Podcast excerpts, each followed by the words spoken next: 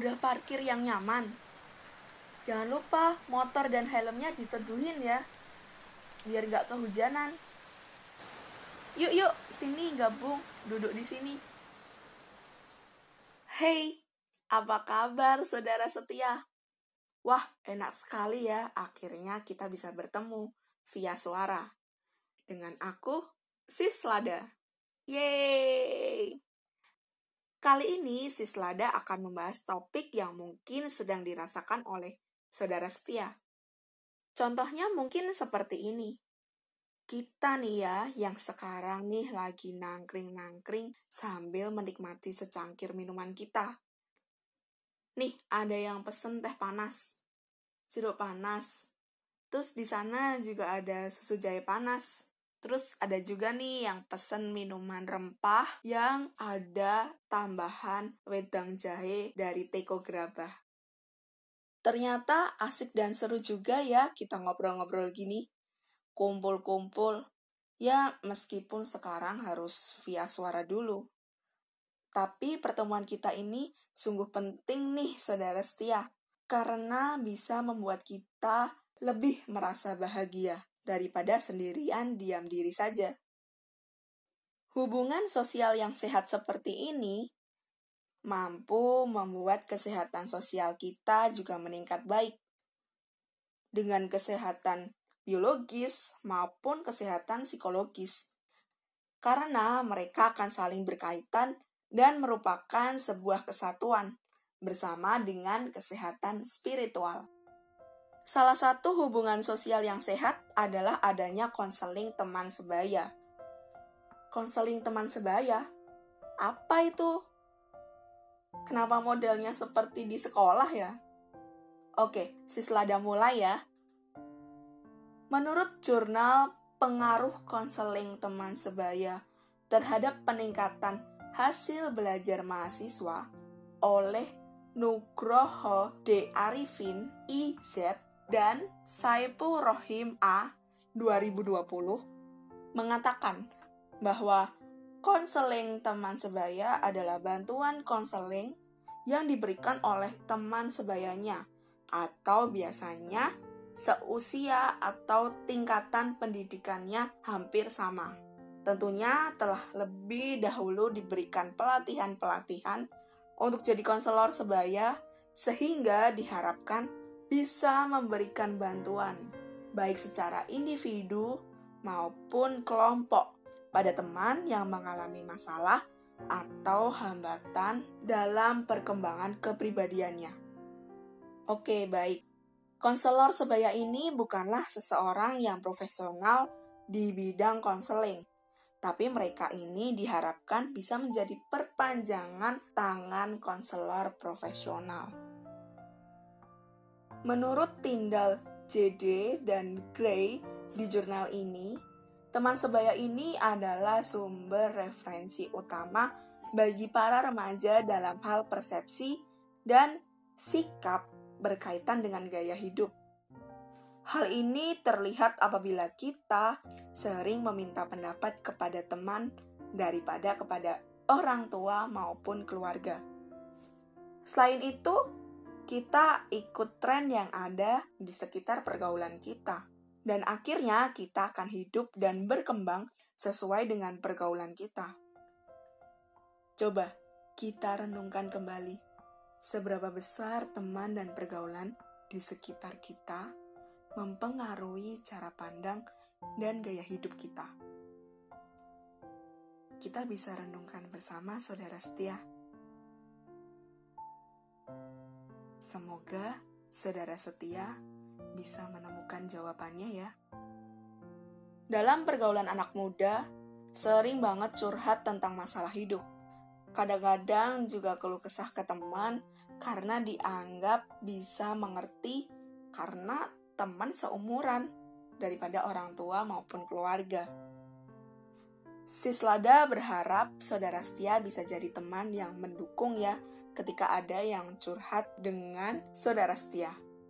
Karena secara tidak langsung, ini adalah kegiatan konseling sebaya. Meskipun tidak didampingi oleh konselor yang profesional. Namun diharapkan saudara setia bisa memberikan support, memberikan semangat yang baik dan positif. Pasti saudara setia sudah sering melakukannya, bukan? Nah, kegiatan ini pasti sudah sering dilakukan oleh saudara setia, bukan? Sebenarnya nih, saudara setia, dengan adanya konseling teman sebaya atau curhat, bisa membuat kita menjadi lebih sehat secara kesehatan sosial. Konseling teman sebaya ini di bawah pengawasan dari konselor yang profesional namun, hal ini berbeda dengan curhat, karena curhat dilakukan secara lebih bebas, karena memang tidak akan mendapatkan solusi seperti kita curhat ke konselor profesional. Curhat ini bisa membuat kita lebih tenang, lebih nyaman, dan lebih lega apabila kita sedang ada masalah. Ketika curhat, baik pendengar maupun pencerita, memiliki timbal balik yang positif. Bagi si pencerita, tujuan dia curhat pasti akan merasa menjadi lebih lega, lebih nyaman, lebih tenang, dan merasa semua unek-uneknya keluar. Begitupun dengan pendengar. Di sini, pendengar berlatih untuk bisa mendengarkan si pencerita mampu memberikan dukungan atau support, bisa memberikan kata-kata yang positif, namun tidak memberikan kepastian yang palsu. Bisa memberikan clue-clue agar pencerita menemukan sesuatu dalam dirinya. Bukan kita yang membuat keputusan. Selain itu, pendengar berlatih untuk bisa objektif dalam merespon cerita atau curhat dari si pencerita. Banyak benefit memang bila kita menjalin hubungan sosial pertemanan dan bisa saling curhat. Selain menumbuhkan rasa kepercayaan, ternyata juga bisa membuat diri merasa berharga. Karena punya teman sebaya yang bisa lebih mengerti ketika sedang mengalami masalah namanya juga masih anak muda. Mungkin sekali untuk meminta dimengerti. Bagi kamu, saudara setia, yang sulit untuk mengutarakan curahan hatinya, bisa banget nih sekarang ambil kertas dan pulpen ataupun pensil. Bisa banget nih, saudara setia menggambar apa yang ingin saudara setia gambar. Dan tulis alasan dan harapan dari gambaran tersebut sesuai dengan isi hati saudara setia. Yuk, ambil kertas dan pulpen atau pensil deh boleh. Sislada tunggu.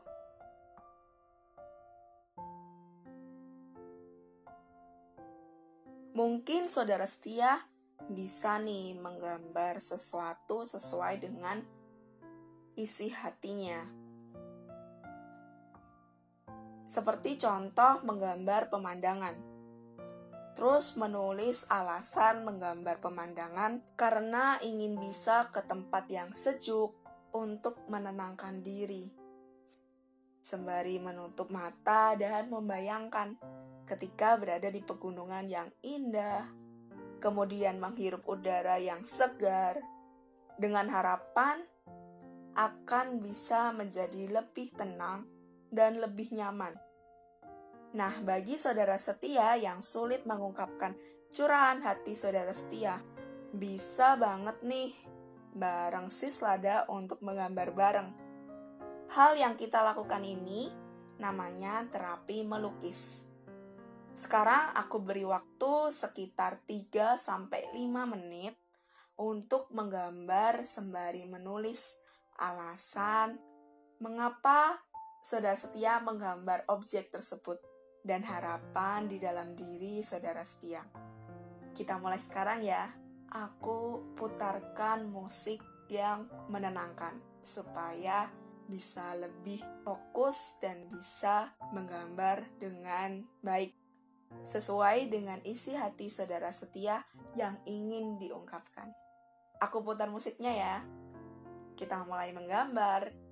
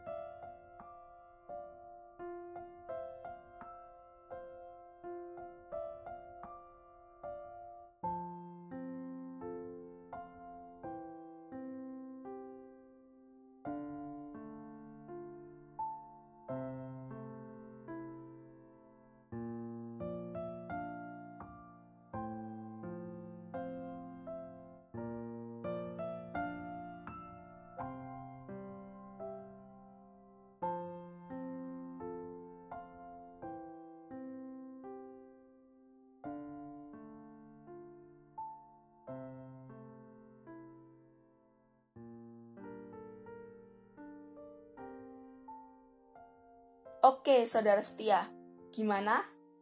Sudah selesai kah? Semoga sudah ya. Gimana perasaannya? Apakah bisa merasa lebih baik sekarang? Apakah sudah menjadi lebih lega? Yuk, boleh banget kita sharingkan bersama. Kita bisa mulai sharing sekarang ya. Yuk, kita dengarkan sharing dari salah satu saudara setia.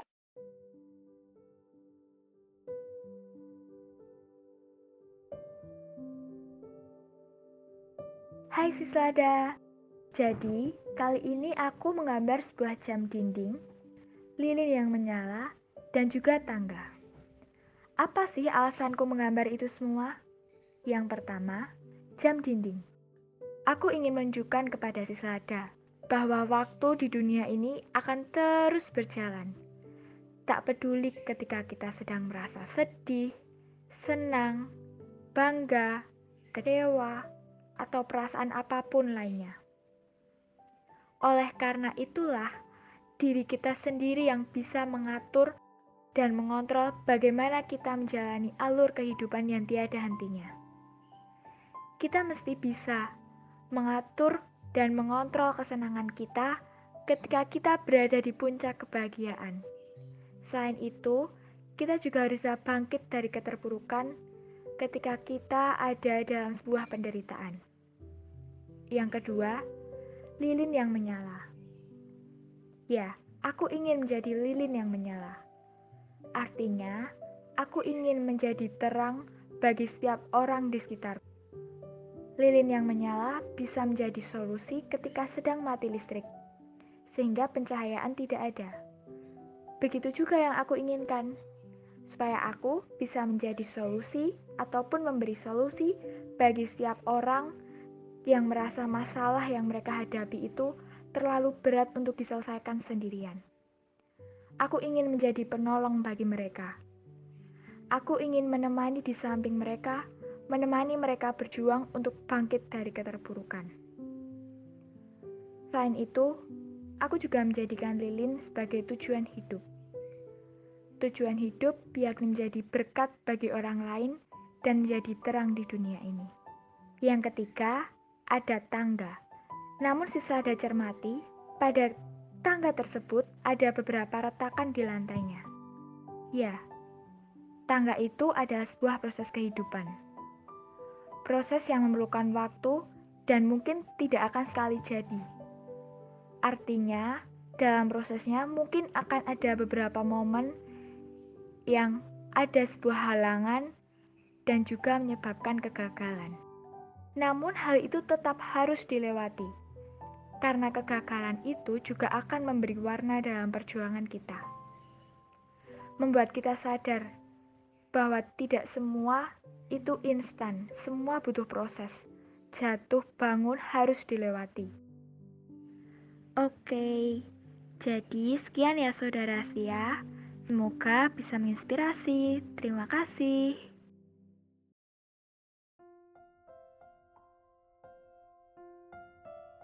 Wah, bagus sekali gambaran, alasan, dan harapan dari salah satu saudara setia. Terima kasih ya, sudah ikut men-sharingkan curahan hatinya. Apakah kamu sudah lega sekarang? Sudah nih, Sislada. Oke, baik. Bagi saudara setia yang lain, boleh banget DM ke Instagram Sislada di @batinlada.podcast. Sislada akan berusaha untuk belajar menjadi pendengar yang baik dan supporting bagi saudara setia semua. Semoga saudara setia semakin bisa menjaga kesehatan sosial ya dengan menjalin pertemanan yang positif tentunya. Sehingga saudara setia bisa menjadi pencerita maupun bisa menjadi pendengar yang supporting. Wah, ternyata kita sudah sampai di penghujung acara nih. Semoga saudara setia bisa mengambil makna yang baik dari nangkring-nangkring kita kali ini. Oke? Semoga kita bisa menjaga hubungan sosial kita di hubungan pertemanan, hubungan teman kerja, relasi sosial yang lain dengan baik dan mendukung serta positif. Silahkan lanjutkan nangkring-nangkringnya ya, saudara setia. Jaga hubungan sosial kita agar selalu berbuah hal yang positif. Kalau begitu, Sislada pamit ya. Sampai jumpa di nangkring-nangkring yang selanjutnya.